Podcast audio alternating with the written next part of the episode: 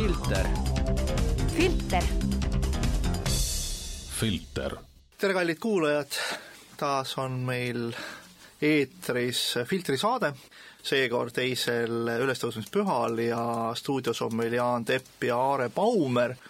enne stuudiosse astumist me natukene mõtisklesime, et mis võtmes rääkida ülestõusmispühadest.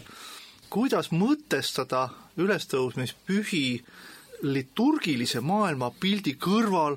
päris ärkamise, taastekke ja meie igapäevase elu kontekstis. sul, Aare, oli sellega seoses päris huvitav mõte, et räägime munadest jaa, kõigepealt ma üritasin enda mõistusest paika panna seda, mismoodi see, ütleme, kana ja muna, et, et kuidas nad omavahel suhtes on. ja uurisin üsna põhjalikult ja siis selgus, et kui ma eesti keeles munemise protsessi sisse panin, siis ma ei saanud mitte munemise protsessi, vaid ma sain kõigepealt esimeseks, sain telegrammi. Telegram EE peal, kus oli öeldud, et munemine on kanadele tervist kahjustav ja et äh, üldse te peaks kuidagi mõtlema selle peale, et need vaesed kanad äh, munemise käigus surevad ära. nii oligi kirjutatud, et nad munevad ja munevad ja surevad ära. mina tean, et kanad surevad ja kõik teised elusolendid ka surevad. see oli siis nagu tehisintellekti poolt pakutud vastus? jaa, see oli Google'i tehisintellekti peal, miks ta arvas, et ma lähen Telegrami peale ja hakkan, hakkan sealt vaatama. teise koha sa võtsid üle veganid ja kolmanda koha võtsid üle fitness ehk siis see oli nagu eesti keeles päris huvitav, et kui ma läksin nüüd inglise keele peale üle, siis juba see muna kohe lihavate pühadega ja kõige sellega, aga eesti keeles ei olnud ja see oli ei tule mitte midagi, kui sa hakkad nüüd ülestõusmispühade ajal otsima, mis on muna Mu, nagu ja, tähendus, siis sisuliselt internetis ei tule mitte midagi välja. Eesti keeles ei tulnud välja. mis tähendab, et sisu on puudu. ja vaat see, vaat siin on see küsimus ka, siis ma hakkasin hoopis mõtlema sedapidi, et et samal jätsin nagu ühe osa peast arutama selle üle, kuidas see muna sinna kana sisse tuleb ja, te, ja teine osa hakkas siis mõtlema seda, et äh, võib-olla ma peaksin veel ootama, kuni siis interneti isetekkeliselt tekivad Vikipeedia artiklid, mis kirjeldavad äh, munade, kanade ja ja jäneste ja änkupoegade ja šokolaadi kõigi ühisosa. Eh, ehk tegelikult siis äh, Eesti kultuuriruumis, eesti keeleruumis pole veel sündi toimunud? ma arvan, ei ole toimunud, ei ole ilmunud midagi isetekkeliselt välja. aga noh, kui me räägime hästi vähe munadest, kõigepealt siis selgus asjaolu, et kana võib muneda ka ilma kuketa aga see mõte oli siis selles, et kui kana ja kukk ühinevad, siis tegelikult hoitakse kõik need kenasti alles, kõik need seemned ja siis kana muneb nendest nii-öelda, nii et ta hoiab neid enda sees. ja munemise tsükkel oli kahekümne kuue tunnine, nii et selles mõttes kogu aeg see munemise osa, see nagu pidi edasi nihkuma. ja siis veel selgus, muide tallegi peal oli see kõik kirjas, see tallegi, see ei olnud wiki et see oli talleg. ja siis selgus tõde veel, et, et noore kana munad on väiksemad, ja siis on äh, väga suured munad olemas ja et munakoor on kaltsiumist enamuses, fosforist ja, ja siis veel mõned mineraalained. Muna valge ei sisalda rasva ja fitnessi äh, rahvas on sellega väga tänulik, selles mõttes munavalge söömisega, seevastu kõik on munarebu sees. ja munarebu on väga toitev, seal on rasva, lausa vist viis grammi oli seal kirjutatud ja nii edasi, nii edasi, tegelikult ma harisin ennast selle munemise koha pealt ja hakkasin mõtlema, et, et kas selle munaga veel on ja siis ma ei kaotanud lootust ja guugeldasin veel korra muna eesti keeles ja sealt ei tulnud midagi välja. nüüd pöörasin ma oma pilgu, noh, Vikis, pöörasin inglise poole peale ja avastasin sealt ühe huvitava lause. muna pidi sümboliseerima eh, Jeesuse tühja hauda ja vot nüüd, Jaan, on sinu kord, et kuidas selle muna ja religiooniga nagu on? Jeesuse tühja hauaga vast väga otsest seost ei ole, et, et see on küll nüüd selline eh, teoloogiline poeesia, aga, aga tõesti oot, oot, sa ütlesid, see oli väga hea, see teoloogiline poeesia Äh, ehk siis kas on, kas on tekkinud kuskilt teoloogilised poeedid? no ikka on tekkinud, et mida, mida vabam on kirik, äh, seda rohkem seal sünnib ja, ja seda rohkem seal on poeesiat, et see ongi nii-öelda institutsionaliseerunud kiriku ja siis võib-olla sellise vabama kiriku erinevus, et kui me nüüd räägimegi sellist väljakujunenud kiriku ja liturgia ja ülestõusmise kontekstis äh, munast või, või munade pühast, nagu meil räägitakse, siis me peame ikkagi nagu teadma, et liturgiliselt erinevad sündmused nagu jõulud ja Kristuse sünd ja, ja nagu paast ja, ja suur reede ja, ja siis sellele järgnenud äh, paastoja nagu ülestõusmine, on liturgilised sündmused ja kunstlikult äh, kalendrisse pandud. no me peame jõudma ka sinna, et kuskohast üleüldse kalender kujuneb, millised on meil vanad kalendrid, millised on uued kalendrid, kuidas need, need kõik pühad liiguvad. Liturgikud siis kirikus kelle jaoks äh, on ju vaja ju mõtestada erinevaid äh, piibelikke sündmusi ja see, et, et ta äh, noh, ütleme kordamine on tarkuse ema, et siis siin on selle kordamise tsükliks üks liturgiline aasta ja selle liturgilise aasta sees peavad sul siis teatud siis piibellikud olulised sündmused, mis religiooni ja kristliku religiooni mõtet kannavad, peavad olema korduvad. ja selleks, et nad korduksid, pannaksegi nad siis kalendris kindlatele kuupäevadele. kui me räägime Jeesuse sünnist, Jeesuse sünnise müsteeriumist, siis kiriku ajaloolased ju siin siiamaani vaidlevad, et, et noh, millal ta nüüd täpselt kuupäevaliselt nagu toimus, aastaliselt isegi noh, ütleme siia pluss-miinus teatakse, aga oluline on jällegi see, et, et äh, Kristuse rõõmusõnum või Kristuse sünnirõõmusõnum sattuma aega, mis soosiks seda. et see peakski olema selline, kui, kui on nagu pööripäev, üldiselt on pimedus, nagu keeruline aeg ja ka selleks, et, et võidelda siis sellise pahanliku pööripäevade pidustustega, asetati siis Kristuse sünni müsteerium ka sellisele pööripäeva aega, pimedasse aega. Ja sellel oli oma kindel nii-öelda tähendus. Ja sealt hakkab siis loomulikult jooksma ka kõik muud piibelikud sündmused, eks ole, kui me räägime nüüd suurest reisest ja Kristuse kannatustest, siis jällegi, et me vaatame looduse tsüklit, looduse ringi,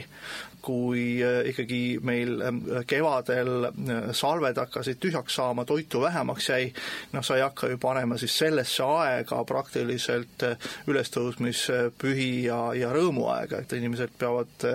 pingutama püksirihma, nad peavad saama võib-olla kitsikusega natukene paremini hakkama ja selleks, et sellele anda ka sisu, et noh, see on ka jällegi nii-öelda sootsiumi rahustamise metoodika, noh, jällegi välja kujunenud kirik ja, ja liturgia, mõnes mõttes korrastab ühiskonda ja kui me nüüd ütlemegi, et, et kiriku liturgikud asetasidki meil siis see kannatusaja sinna, kus niikuinii looduslikus mõttes oli raske. lihasalved said tühjaks, toit hakkas otsa saama, toidulaud muutus kehvemaks, siis loomulikult kirik ütleb, et, et anname siis sellele kannatusele ka liturgilise tähenduse, et inimesel oleks seda kergem vastu võtta ja nüüd, kui sa ühel hetkel ütledki, et, et meil nii-öelda see suur, suur reede ja kannatusaeg langeb sinna looduslikult, kus toitu oli laua peal vähem, siis pead sealt pead sa hakkama ka lugema sisuliselt ju piibellikult eh, kannatusaja päevi, see, mis on piiblis ju nagu kirja pandud. ja sa jõuadki kenasti eh, nagu kevadesse. ja nüüd, kui me mõtlemegi, et kui ülestõusmine ja kevad, loomulikult, et see on ju väga positiivselt, see langeb nagu looduse tsükliga kokku siis teiselt poolt pead sa ju hakkama ka vaatama, et oota, aga mis siis seal kevadel toimub.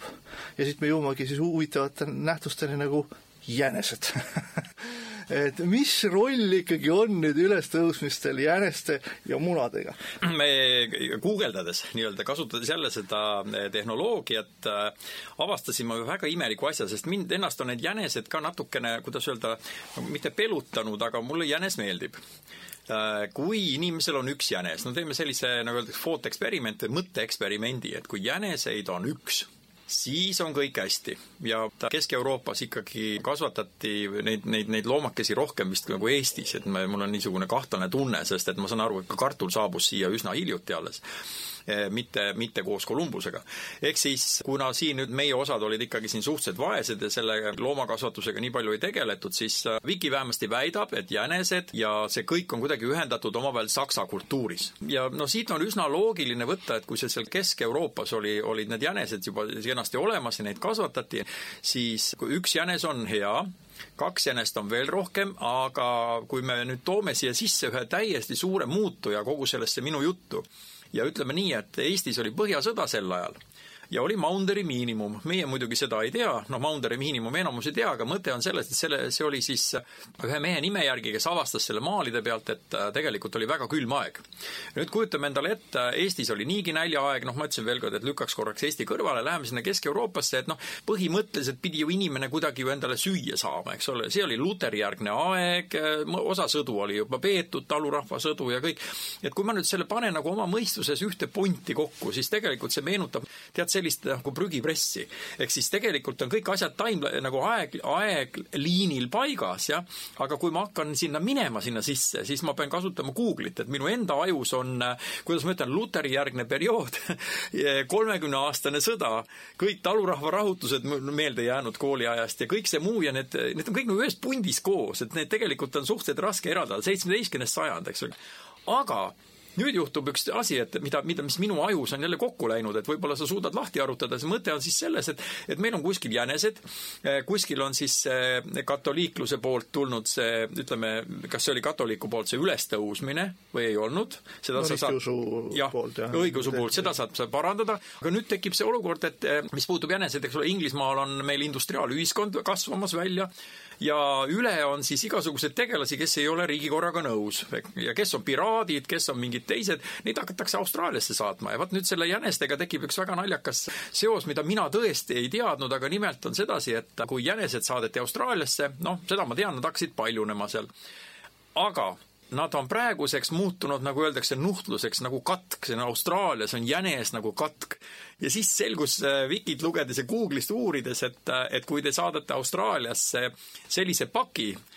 kus on siis kena jänes koos šokolaadimunadega, siis šokolaadimunad veel tarvitatakse kuidagi ära, aga see jänes on nende nuhtlus. nüüd kujutad seda ette, et meie kultuuris oleksid need näiteks kas munad või jänes oleks tõeline nuhtlus. see on nagu katk ja nüüd sa saadad selle katkupaki sinna Austraaliasse oma sõpradele, sõpradele. ja see on täpselt nii, nagu kui me loeme Meie isa palvet ja ütleme, anna meile igapäevast leiba, siis äh, Aafrika suguharudes, kus leiba ei, ei, ei sööda, äh, siis seal äh, ikkagi missionärid kasutasid selle sõna asemel, et anna meile igapäevast putru. selge on see, et, et sellised teatud terminid hakkavad kandma teistsugust sisu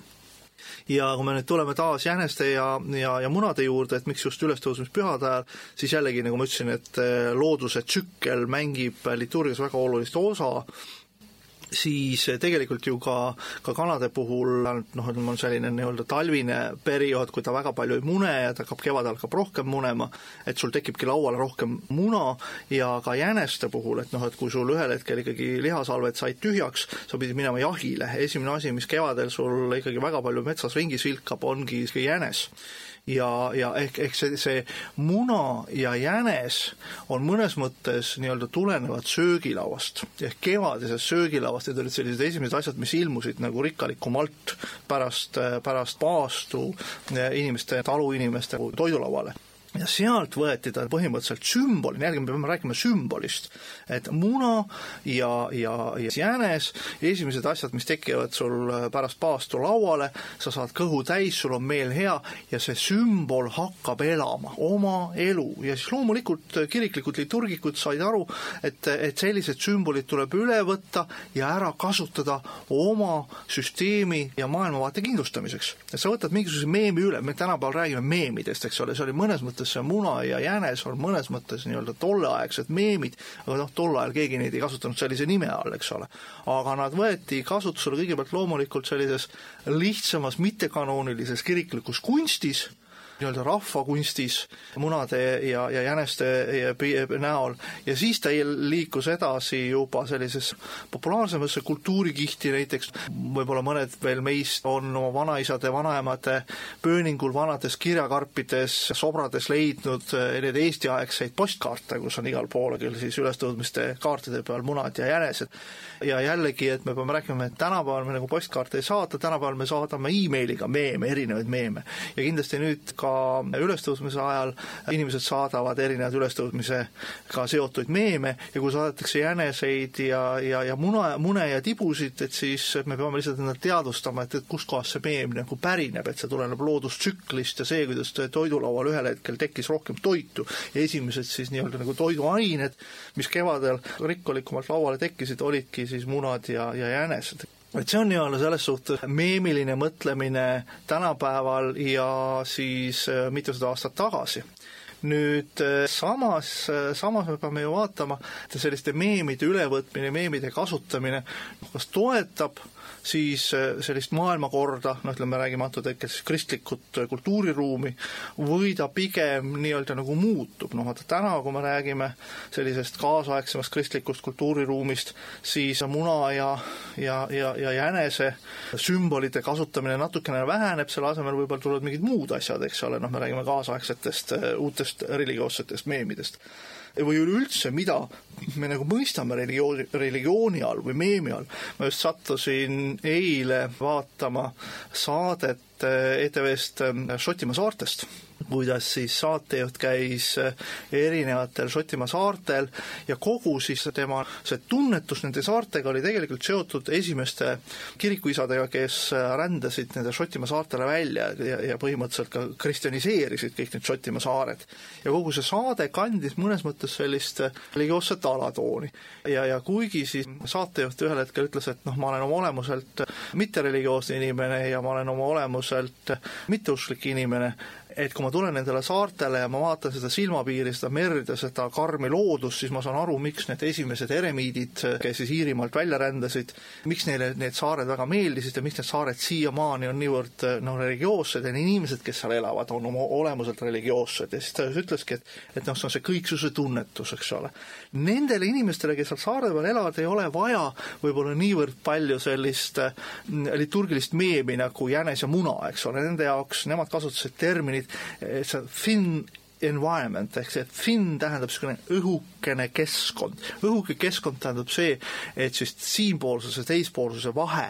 vahel olev kiht on õhukene. oot-oot, aga see, see jaa, et sa see õhuke ütlesid, selles mõttes mul tuli kohe, niipea kui sa rääkisid, tuli kohe meelde üks eesti rahva muistent sellest, mis muidugi tegelikult on tulnud mujalt, ma saan aru, see muistent sellest, kuidas siis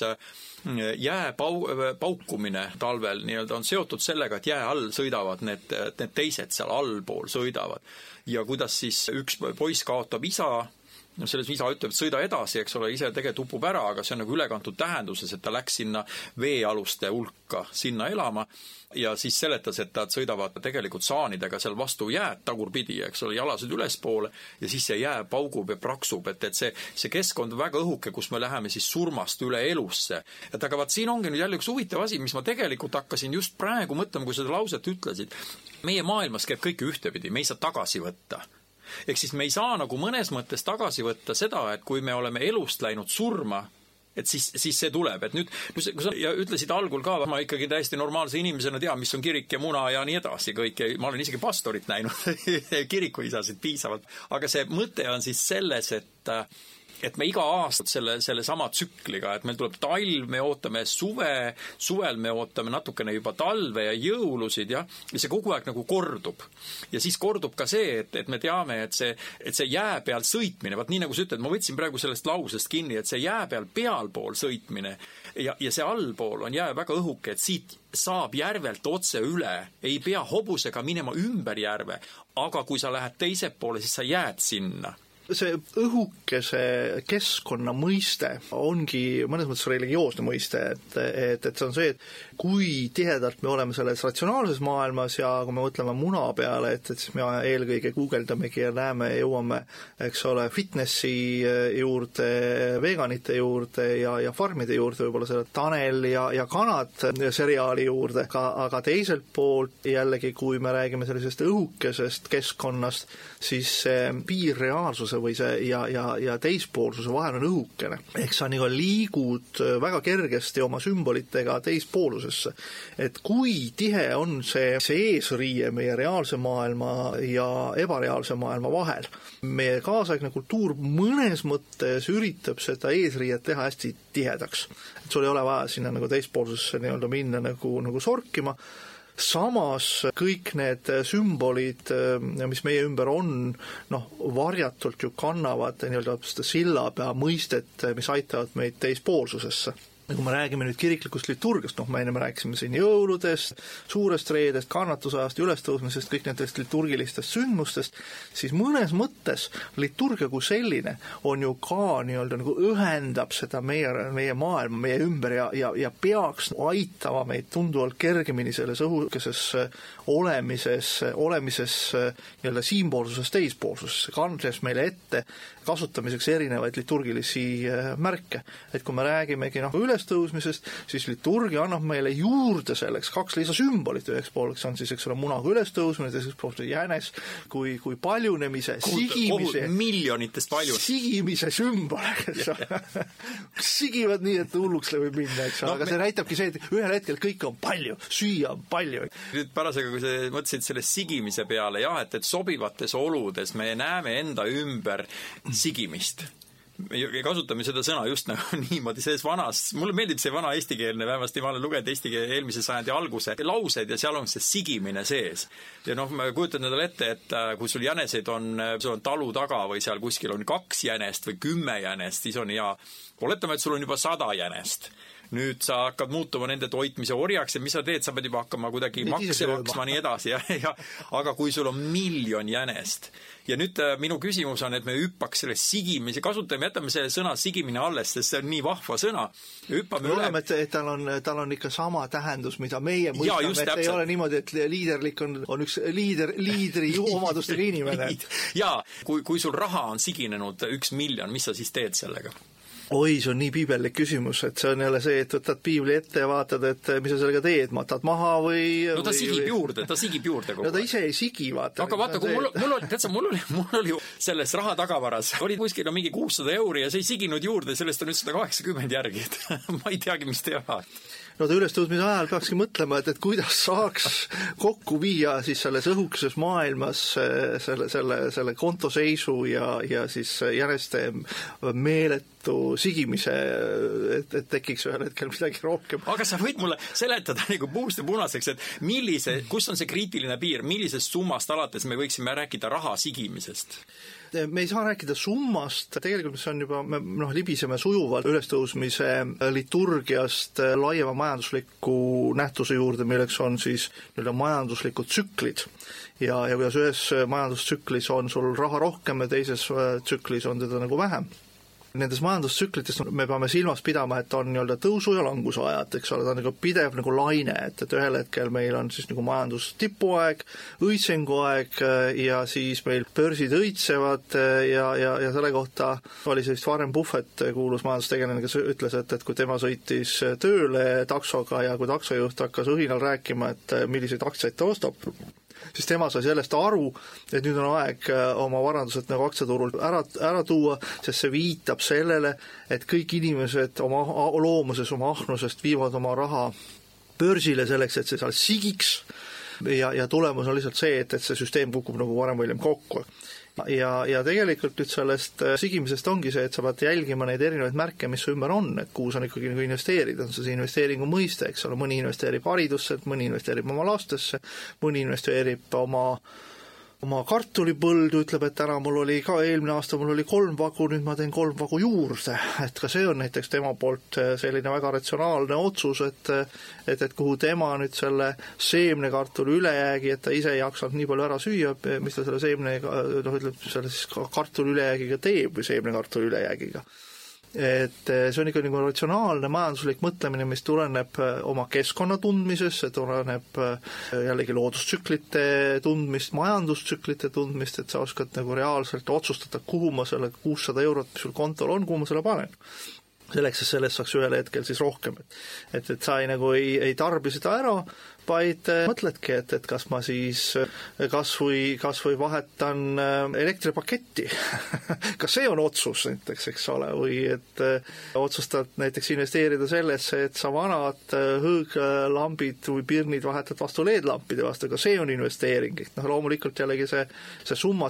summa, milles, mille raames me mängime, noh, on erinev, et aga alati sa võid ikkagi, me, me tihtilugu, kus me tuleme tagasi algse küsimuse juurde, kust maal see summa hakkab kasvama, tegelikult tegelikult see summa hakkab kasvama ka ühest eurost, ka, ka kümnest sendist, juhul, kui sa oskad arvet arvustada, et, et kui palju ta sul, sul juurde andnud, me jõuamegi siit matemaatika ja protsendi juurde, eks ole, kui, kui sa ühele eurole saad kümme senti juurde, siis tegelikult tähendab, et sul on kümneprotsendiline tõus olnud. aga seda kümmet senti sa lihtsalt ei pane tähele eks ole. kui sa nüüd ühel hetkel ütled, et, et mul on miljon eurot ja sul on kasvu kümme protsenti, siis me räägime siin hoopis teistest, teistest numbritest, eks ole, me räägime tunduvalt suurem, sajast tuhandest, eks ole, kasvust. ja see on see summa, mida tavainimene paneb juba tähele. ja ta saab ütelda, et, et mul on olnud nagu majanduses väga hea nagu kasv, eks ole jänesed sigivad, aga jällegi see on see, et, et mis, näha olema. Need peavad olema näha, eks ole. et seda, seda ühe euro juures kümmet senti, mis kasvab, seda sa ei pane tähele. siin ongi, et, et kas, kas me paneme tähele, vot siis väga huvitav olukord, et siis äh, põhimõtteliselt keegi võib ju kuskil sigida, aga me ei pane tähele. mis tähendab, et inimese tähelepanu on äh, oluline ja, ja toon siit nagu mingi paralleeli praegu, noh, näiteks kui ma töötaks nüüd Amazonis ja Amazonis kastid oleksid osaliselt läbipaistvad, siis, siis sellises firmas võib-olla oleks täitsa au töötada, kuigi meieni on jõudnud kuuldused, et nad saavad seal väga vähe palka või neile kukuvad kastid pähe ja mis kõik iganes, arvestades muidugi Amazoni suurust, siis ma ei imesta üldse. minu arust on väga hea tulemus, tähendab, et nii vähe on neid õnnetusi seal, aga, aga nüüd kujutad ette, ette, et sa töötad päevast päeva ja kuskil juba märtsi viimastel päevadel ja aprilli esimestel päevadel märkad, et munadekastid sõidavad sinu eest läbi. igaühes on, ütleme, seal tuhat muna sees ja võib-olla mõned on šokolaadi ja jänesed, mõned saadavad Austraaliasse neid sees. ja nüüd ühel hetkel maksimumi hetkel sõidab sinu nina eest läbi umbes kümme tuhat kasti mune päevas. kas, kas on see siis nagu juba väsimus, et kas sa pärast seda suudad üldse liha no see, mida sa praegu nagu räägid, märgata? ehk see, millest sa tegelikult räägid, on, on mõnes mõttes liturgilise meemi ärakasutamine majanduslikel eesmärkidel ja, ja, ja kuidas siis üks selline meem ühel hetkel hakkab väsima ja muutuma sul siis nii-öelda nagu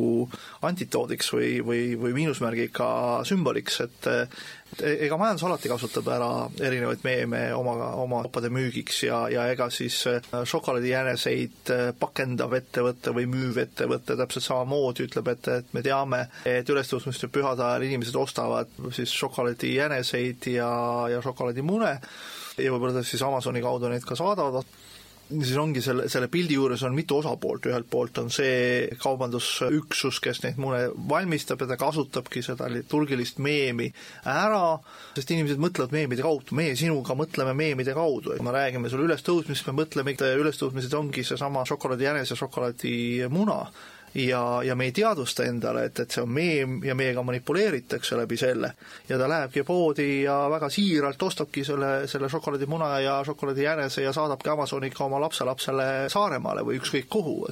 samas nüüd, kui me jällegi ütleme, et, et me peaksime selle vastu sõdima, siis see ei ole ka kõige õigem, pigem ütleme see, et me peame endale teadvustama, et selliste erinevate eh, meemide kaudu mõjutatakse meie rahakoti eh, sisu. Eh, et, et nüüd sa ennem küsisid, et, et mis hetkel sul see raha kasvama hakkab, siis peab küsima, et, et kummalt poolt sa oled, kas sa oled see, kes seda šokolaadimuna turule toob või sa oled see, kes laseb ennast meemist mõjutada ja rahakoti taskust välja võtab. ja nüüd, kui me jõuame selle Amazoni töötaja juurde, siis küsimus on see, mida ta sel hetkel teeb, kui ta neid kaste enda silma eest mööda laseb ja kui palju ta laseb endast mõjutada sellest. noh, see on seesama pilt, et kui sa oled koolipoiss ja, ja koolipoisse viidi või koolilapsi viidi, eks ole, Kalevi šokolaadivabrikusse, siis kõik olid õhinal, et, me läheme, me läheme Kalevi šokolaadivabrikusse. ja kui sa oled seal pool tundi olnud, siis sa saad aru, et, et, et ma ei tahagi seal väga palju olla. kui Kalevi kommivabrikus töötavalt inimeselt öeldakse, et või lapselaps ütleb, küll sa oled õnnelik, sa töötad kogu aeg šokolaadi keskel siis see, see, see vanaema või ema või, või, või sugulane või tädi või onu ütleb, et tead, lapsukene, et sa ikka üldse ei kujuta ette, kuidas ma ei taha seal töötada. et kõik on nii-öelda nagu mõistlikkuse piiridega seotud ja määratud, mis on, mis on see mõistlikkuse suurus või, või kus need piirid on, liig liiale ei tee liiga, öeldakse, aga tegelikult ikka teeb küll. näed, ma kuulasin kogu aeg, mõtlesin, et millal sa räägid kasvupiiridest või üldse piiridest, et selles mõttes äh, inimesel on muidugi mingi lävi, eks ole, me jõudsime juba väga, väga huvitava olukorrani, siin hüppame ühelt teemalt teisele küll, aga nüüd sujuvalt siiski, ma loodan kuulaja jaoks, ehk siis me läksime sujuvalt üle selle munadepühaga ja selle, selle ülestõusmispühadega räägime tegelikult, ülestõusmispühades äkki, äkki läheme niimoodi sujuvalt üle ja avastasime ennast teatud piiridest praegu ja sellest, et kui midagi on väga palju, siis võib-olla muutub kogu asi midagi. kogu, kogu see situatsioon, kõik muutub. aga miks ta muutub? no näiteks äh, mina loen praegu veel kord ajakiri Veganist äh,, artikkel on küll kaks tuhat kakskümmend, sellest, et munemisel on, jah, munemisel on terviseriskid, hakkasin seda lugema ja avastasin, et tegelikult on niimoodi, et kanal on terviseriskid, eks. Veel kord, et mitte inimesel, tähendab. ja, ja siin on lausa üks väga huvitav lause, noh, ütleme niimoodi, et, et ma ei ole vegan ja selles mõttes see lause oli päris huvitav minu jaoks ja, ja samas, samas nagu natuke ootamatu, et äh, muna saamiseks peab üks habras olend nägema tohutut vaeva ja päev-päevalt seda, kuni ta keha viimseni kurnatud ja tühja tühjaks pigistatud, no see on tegelikult niisugune natuke poeesia, on ju. mõnes mõttes ta on õige, aga ta on natuke poeetiline. et äh, kui ma nüüd mõtlen, et, et kui nüüd valitsus koosneks ainult nendest inimestest, kes on selle teksti koostanud,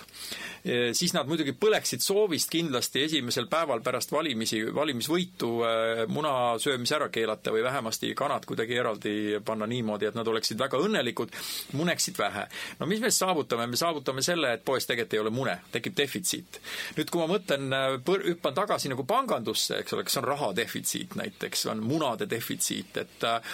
ja kui midagi toodetakse üle, ma tean, et Äh, taanlased äh, omal ajal ju olid, kas see oli Taani või kus see oli, Amsterdamis või oli, oli tulbisibulate üle,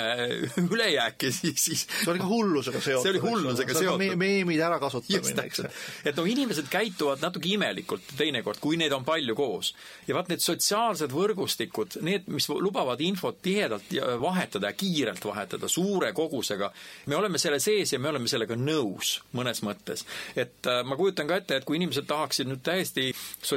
sotsiaalvõrgustikku vabalt äh, jagada oma arvamusi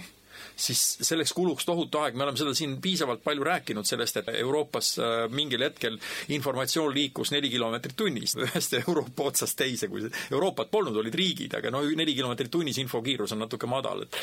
tahaks kolmsada tuhat kilomeetrit tunnis saada vähemasti. ja, või sekundis isegi valguskiirusel. Ja nüüd juhtub nagu selline lugu, et et jälle, kui ma mõtlen ühiskonna peale, siis ühel hetkel tekivad veganid inglise keeles on muidugi selline termin olemas nagu emergent, aga siis eesti keeles noh, on isetekkeline. kui hüpates nüüd sellesse isetekkelisusesse, minu küsimus on see, et olles siin ikkagi lihavõtte selle pühaga seotud, et kui me hoiame käes, näiteks kui sina hoiad käes muna, kas sa arvad, et see on isetekkeline või see on ikka kanaga seotud? me kasutasime minu meelest seda terminit sigima, et me ei, me, me ei pidanud seda ära unustama. toome aa, sigi, õige, õige. toome siis selle isetekkelisuse ja sigivuse eh, vahele siis mõnes mõttes eh, kerge võrdusmärgi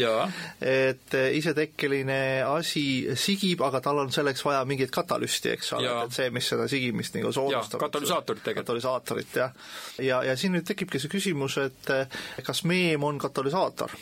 ja kas meie aju on ühele või teisele meemile vastuvõtlik ja kas see aitab siis eh, mingisugusele protsessidele kaasa, mis, mis nii-öelda isetekkeliselt midagi hakkab looma. ja aga oleme ikkagi sama teemaga, see sigimine ja kõik see isetekkelisus, see on kõik väga hea ja ütled, et et mõned on vastuvõtlikumad teatud teemadel, et et mida sina tead, ütleme sellisest enesepiiramisest või veganism on tegelikult mõnes mõttes piirav, me ei räägi ju veganist kriitiliselt praegu, ma analüüsin lihtsalt muna seisukohalt teda nii-öelda ja, et kas selle juured on ikka päris kaugel kuskil, kus on see enesepiiramine, et vaata, sa kasutasid ühe sõna neid Rooma aja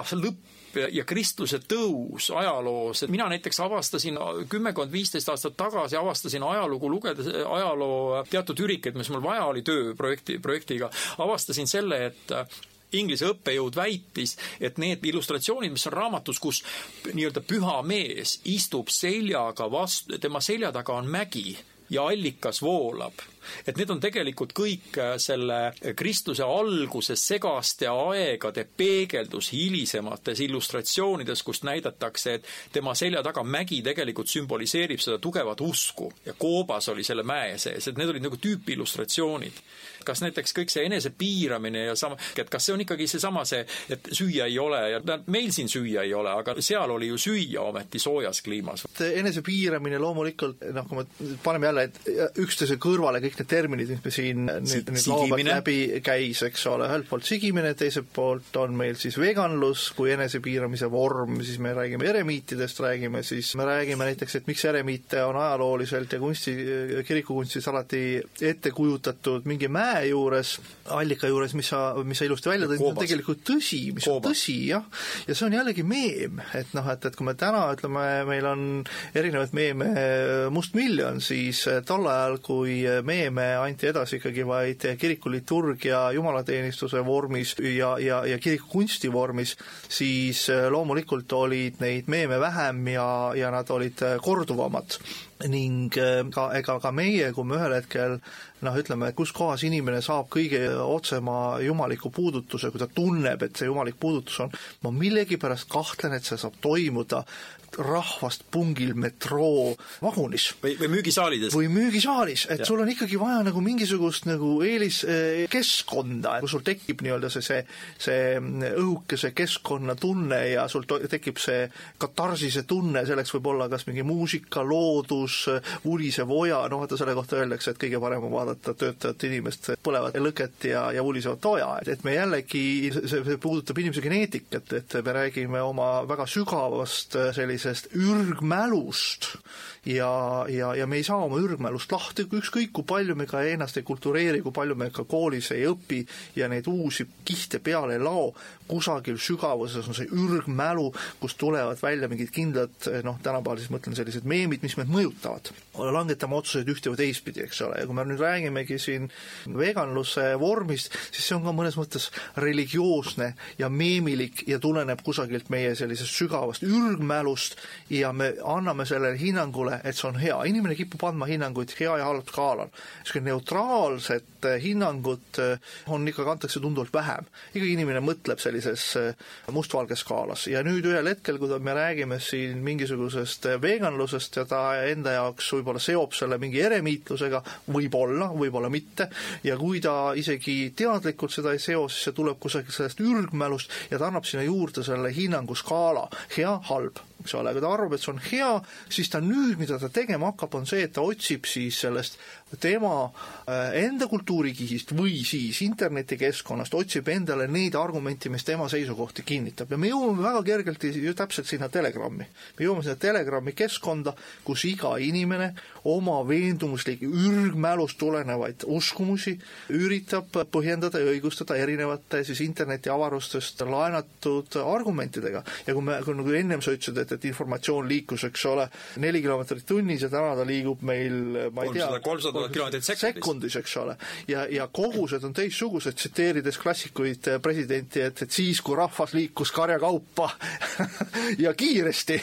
tänapäeval ongi see, et, et nende isiklike veendumuste, ürgmälust tulenevate veendumuste muutmine meid iseennast indiviidi üleval hoidvateks süsteemideks on väga kerge tekkima, et noh, ja ütleme, tulles tagasi selle saate juurde, mis ma hiljuti nüüd korduses vaatasin, et Šotimaa saared,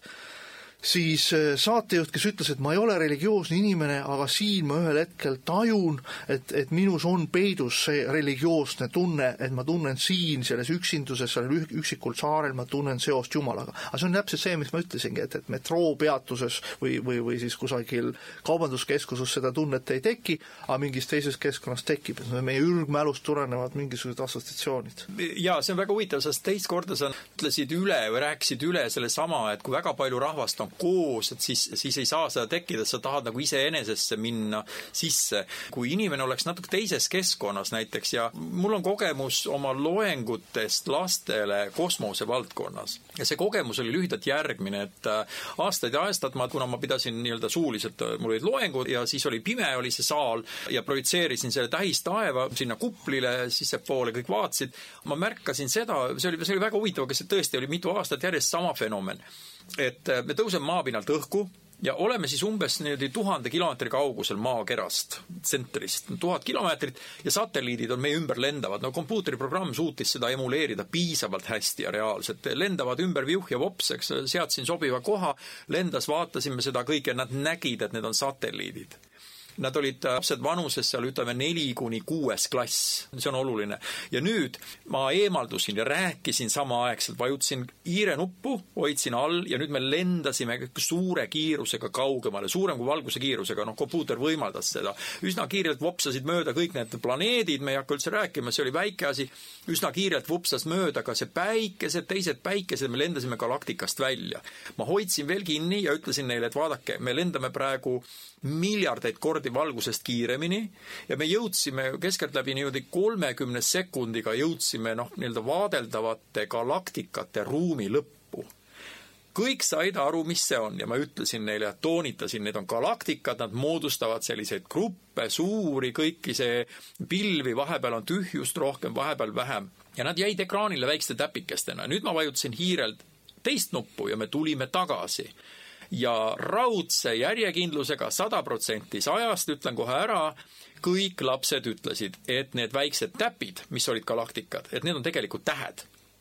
see tähendab seda, et nad olid kaotanud sideme selle, selle algpunktiga. vaat nüüd, nüüd neil tekkis hoopis teine arusaam. Nad lihtsalt ei suutnud galaktikatesse ennast sisse mõelda, kuigi neile oli seda seletatud ja vaat ma, ma seda tahangi võimendada, et nad ei suutnud ennast uude keskkonda, nad ei suutnud sünteesida seda. Need, kes olid nüüd vanemad, nemad juba suutsid ehk ühel hetkel tekib see matemaatika abstraktsionism ja see jõuab mingil moel inimesele pärale, ta jõuab kohale sinna ja ta harjub sellega. tõenäoliselt ta ei saa aru sellest algul, aga ta harjub selle abstraktse sellise no emuleeritud pildiga. ja vot nüüd ma hüppaks tegelikult äh, kaasaja võimaluste juurde, nimelt on meil siin üsna palju, ma ütleks nii viimase aasta jooksul räägitud kiirelt arenevast uuest suunast, nüüd see on isetekkeline, ta hakkas sigima. nimelt ai on hakanud sigima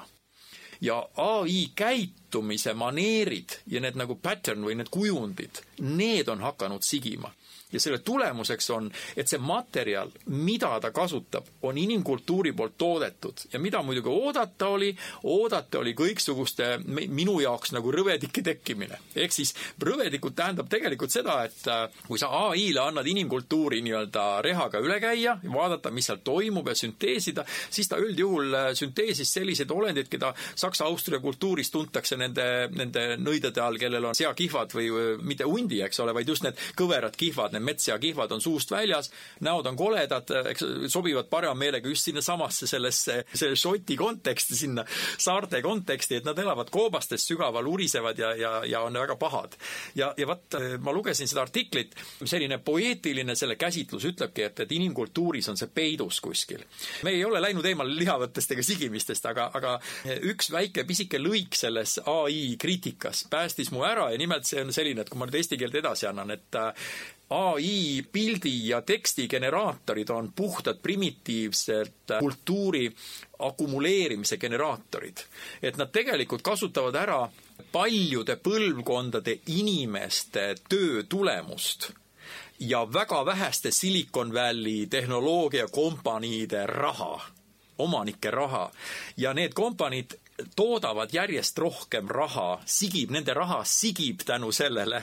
sellepärast et nad äh, on tunginud iga meie elu aspekti, kaasa arvatud kõige personaalsemad ja kõige loomingulisemad alavad, kõige meie saladust, meie äh, secret passions, see tähendab meie saladused, eesmärgid ja meie privaat, äh, isiklikud suhtlemised, meie meeldivused ja meie unenäod. kõik see kokku annabki neile võimaluse varastada me, me, meie, kuidas öelda, ja meie üksikisiku üksikisiku püha omadusi ja kõiki neid võimalusi ja kõiki seda loomingulist ja siis nad pakivad selle ümber ai-ga ja müüvad meile suure raha eest tagasi ja nende raha sigib. ja selle pika, pika ja väga, tegelikult väga filosoofilise, väga õige tähelepaneku peale, mida sa just praegu nagu, nagu no tõlkisin otse veel. jah, just, just, mida sa tõid, siis sa tegelikult puudustasid väga sügavat äh, teemat äh, selle ai juures. me peame ikkagi taas ja taas rääkima meemidest ja, ja, ja me räägime siin meie nii-öelda süvateadvusest ja, ja sellest, et mida me me ükskord noh, siit kusagilt midagi, mingisuguse märgi leiame ja me rääkisime siis üksikust saarest ja eremiidist kui, kui meemist, mis peitub meie sügavuses. Ja nüüd me puudume kokku siis, eks ole, ai-ga ehk, ehk tehisintellektiga loodud ähm, piltidest, mis äh, praegu on meeletult populaarne. Ja nüüd sa ütlesidki, et, et see raha sigib tõesti selleks, et igaüks tahabki nüüd äh, midagi nagu luua selle ai abil, mingisuguse pildi, foto, ja, ja selleks, et ta seda teha saab, siis neid erinevaid generaatoreid on ähm, interneti avardus, avaruses päris mitmeid, selleks, et ta selle pildi saaks teha, ta käest raha otseselt nagu ei küsita, aga ta käest küsitakse, on teatud kredit, nagu mingi krediiti küsitakse, see on nagu mõnes mõttes selle internetiraha nagu mingi token, mingisugune nagu selline nagu virtuaalne münt, aga selleks, et seda virtuaalset münti saada, siis vot seal jõuame me nii-öelda selle siis päris raha vahetamise protsessi juurde, kus sa päris raha vahetad siis selleks virtuaalseks rahaks, mida sa pead sealt kasutama selleks, et maksta sellele pilte loovale generaatorile. Ja vot seal nüüd ongi see, et kuidas need ähm, tehisintellekti kasutavaid superarvuteid äh, käsutavad inimesed meie taskust märkamatult jälle siis äh, seda raha nagu endas, endasse imevad, see selleks, aga nüüd see teine punkt, mida sa just puutusid, et äh, see tehisintellekt mõnes mõttes orjab nagu kokku kokku kogu meie sisemised eh, ihad, soovid, eh, saladused, arv-, eh, tunded ja, ja mõnes mõttes siis loob sellest sellised grotesksemat laadi kujundid. ma ise olen ka proovinud, üks selline generaator, nimi on Night Cafe nagu öökohvik. mina võtsin siis oma oma romaani, võtsin ette oma värske romaani, võtsin sealt ühe episoodi ja üritasin siis selle episoodi sellele tehisintellektile ära selgitada ja ütlesin loomule siis selle episoodi pinnal nagu illustratsioon ja tõesti, ma olin väga üllatunud, nii nagu sa ütlesidki, et ta, ta loob selliseid grotesksemaid äh, illustratsioone. Ja ma, ma ka tükk aega nagu mõtisklesin selle üle, miks ta seda teeb, miks ta seda teeb just sellises groteskses võtmes. Ja siis mul tuli meelde kunagi loetud üks äh, nupukene, milles kirjeldati, kuidas Google finantseeris sisuliselt kõikide arhiivide tasuta digitaliseerimist kõikide ülikoolide juures, noh mina olen käinud, mul on õnn olnud käia Oxfordi ülikoolis, Oxfordi raamatukogu maa-alustes, kolm korrust maa alla minevates vanades arhiivides, mis on täis ürikuid, mis lähevad tagasi väga-väga kaugele ja mida tänapäeval, kui inimene võtab näiteks äh, mingi üriku, mis on ähm, kokku pandud äh, tõesti seal kusagil aastatuhande vahetusel, siis ta ei pruugi üleüldse aru saada, kuidas kirja pandi, mis seal kirja on pandud ja et tal ei teki nagu seost, sellepärast et meie mõtleme oma kultureerituse ja hariduse kontekstis. ai-l ei ole, või siis tehisintellektil ei ole selliseid puuduseid ja piirangud, nagu on inimesel, ehk teiste sõnadega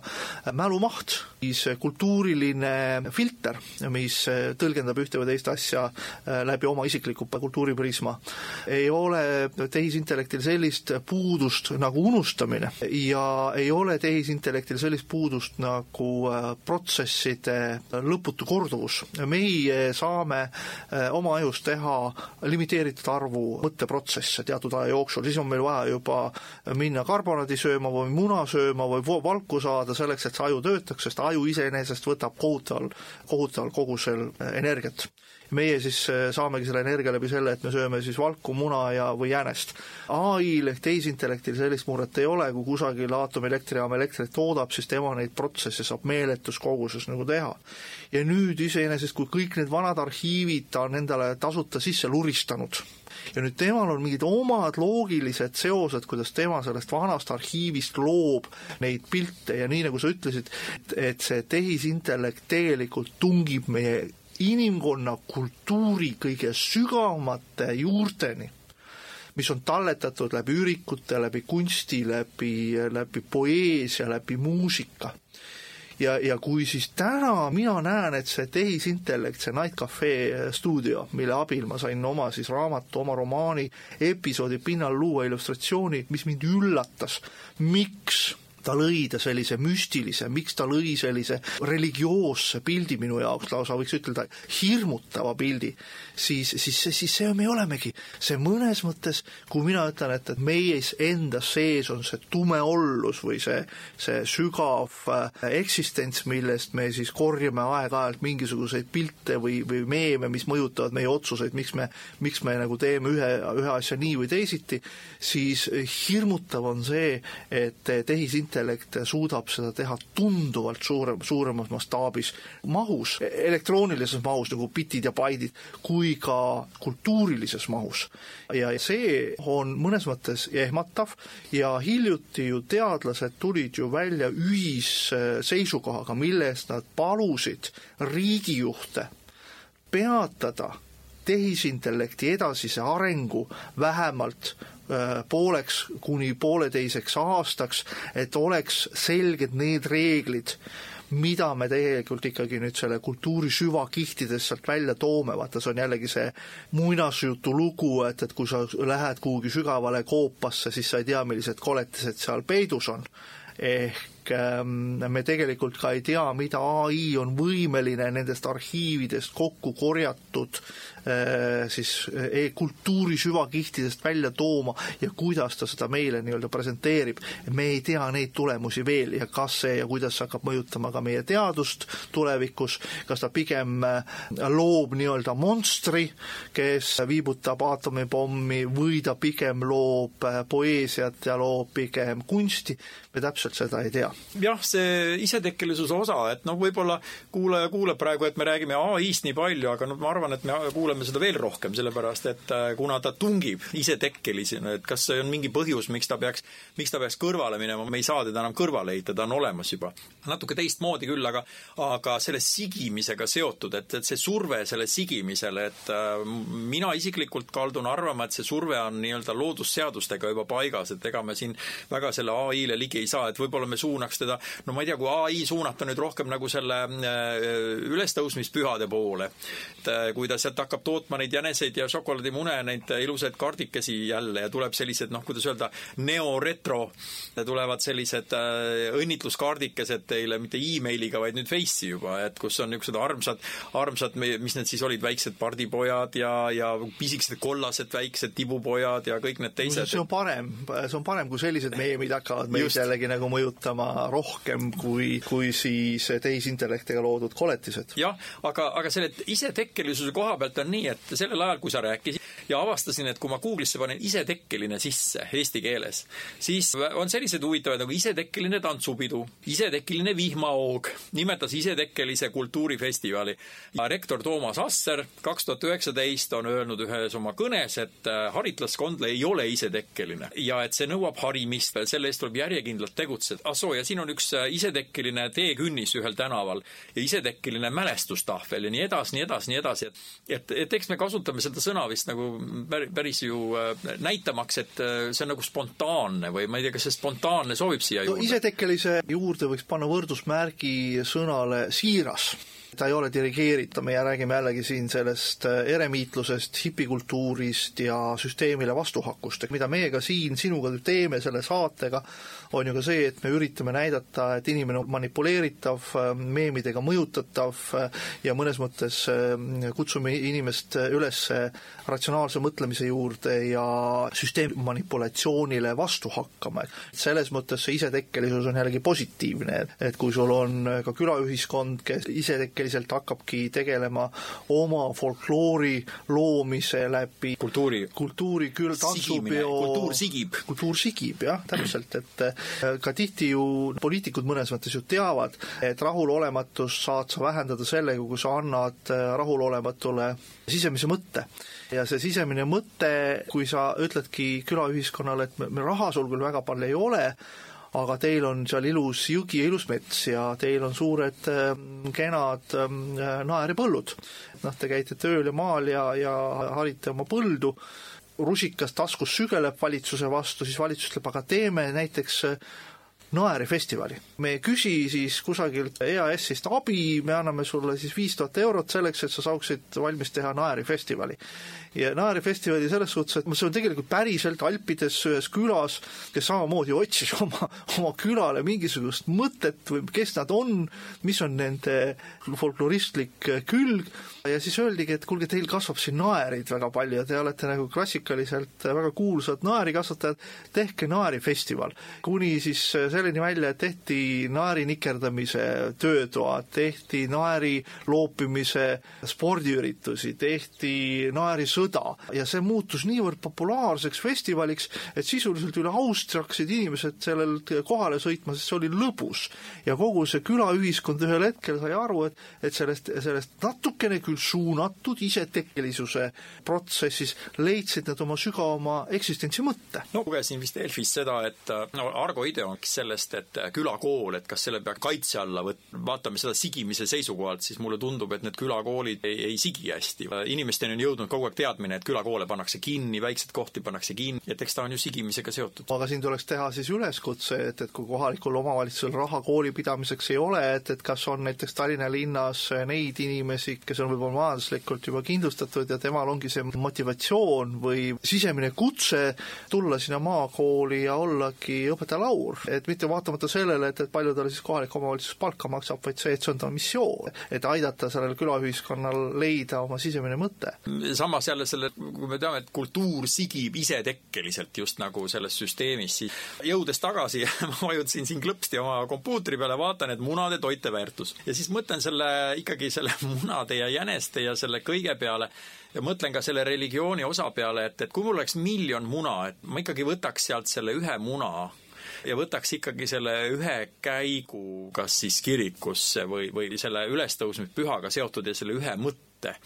just seotud selle ülestõusmisega, et nii nagu sa ütlesidki, see pandi paika tänu sellele ajaliinile, kuidas me käsitleme Jeesuse, tema sündi, surma ja kogu seda teekonda kõike, eks ta on ju tegelikult sealt sügavalt tulnud, täpselt nii, nagu sa ütled. täna mõtleme ka kiriku liturgia peale, ehk nagu ma ennem ütlesingi, et, et liturgia õhendab meie kosmoloogilist mõtlemist ja, ja hõlbustab liikumist siinpoolsusest sealpoolsusesse. ka ülestõusmise ajal, ma ise olen katoliiklane ja ülestõusmismissadel vanamutikesed tulevadki oma väikse korvikesega munad on sees, värvitud ja nad lasevad seda preestril püüdsetud veega piserdada ehk õnnistada, jällegi, et see nende jaoks on selline sümbol, mis aitab äh, anda eksistentsile mõtte jõudes sinna lihavõtte pühade juurde tagasi, et äh, mina olen hästi praktiline inimene ja sõna ja... ise, lihavõte. lihavõte, lihavõte, me võtame liha. ahah, lihavõte. aga siis ta on nagu vältes on ta lihavõtte lihavõttepühad. lihavõttepühad, jah. et meil on ühel hetkel süüa palju. meil on süüa palju ja mina loen parasjagu Talle GE pealt siit, et munade toiteväärtus on siin kirjutatud ja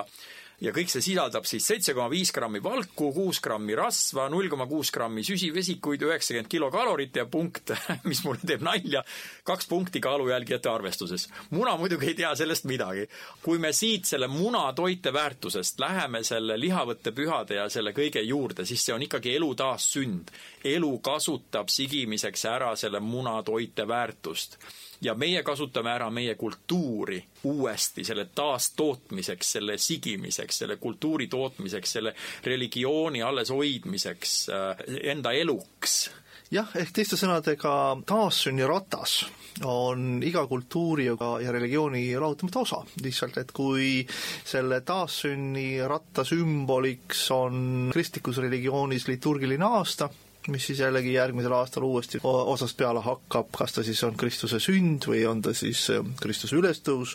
Äh, Indias äh, on ta Mahajana, Hinajana, suured rattad, suur vanker, väike vanker, jällegi on seotud sellise taassünniga, taassünd võib-olla siis budismis on, on väikese oma nüansiga ja kui me rääkisime siin kristlikest eremiitidest suure mäe juures ja koopas, siis miks budisti budat kujutatakse maha, magavana, ta on mõtlevana, targana, tal on täis pea häid mõtteid, ehk ta üritab mõtestada seda meie olemist, maailma olemist meie ümber ja täpselt samamoodi sigivus kui taassünd. ükskõik, mis religioonist me ka ei räägi, me peame alati siis jõudma mingil hetkel alguspunkti, kus me hakkame mõtlema, kes me oleme, miks me oleme, miks on see tsükkel selline, nagu ta on ja selliste mõtetega, ma arvan, on siin hea meie saadet lõpetama hakata. ehk ülestõusmine tähendab alati ühe tsükli algust, mis kunagi lõpeb, et algab jällesti uus tsükkel. head kuulajad, seekord siis ülestõusmisteemadel, taassünnist, sigivusest rääkisid stuudios Jaan Tepp ja Aare Paumer.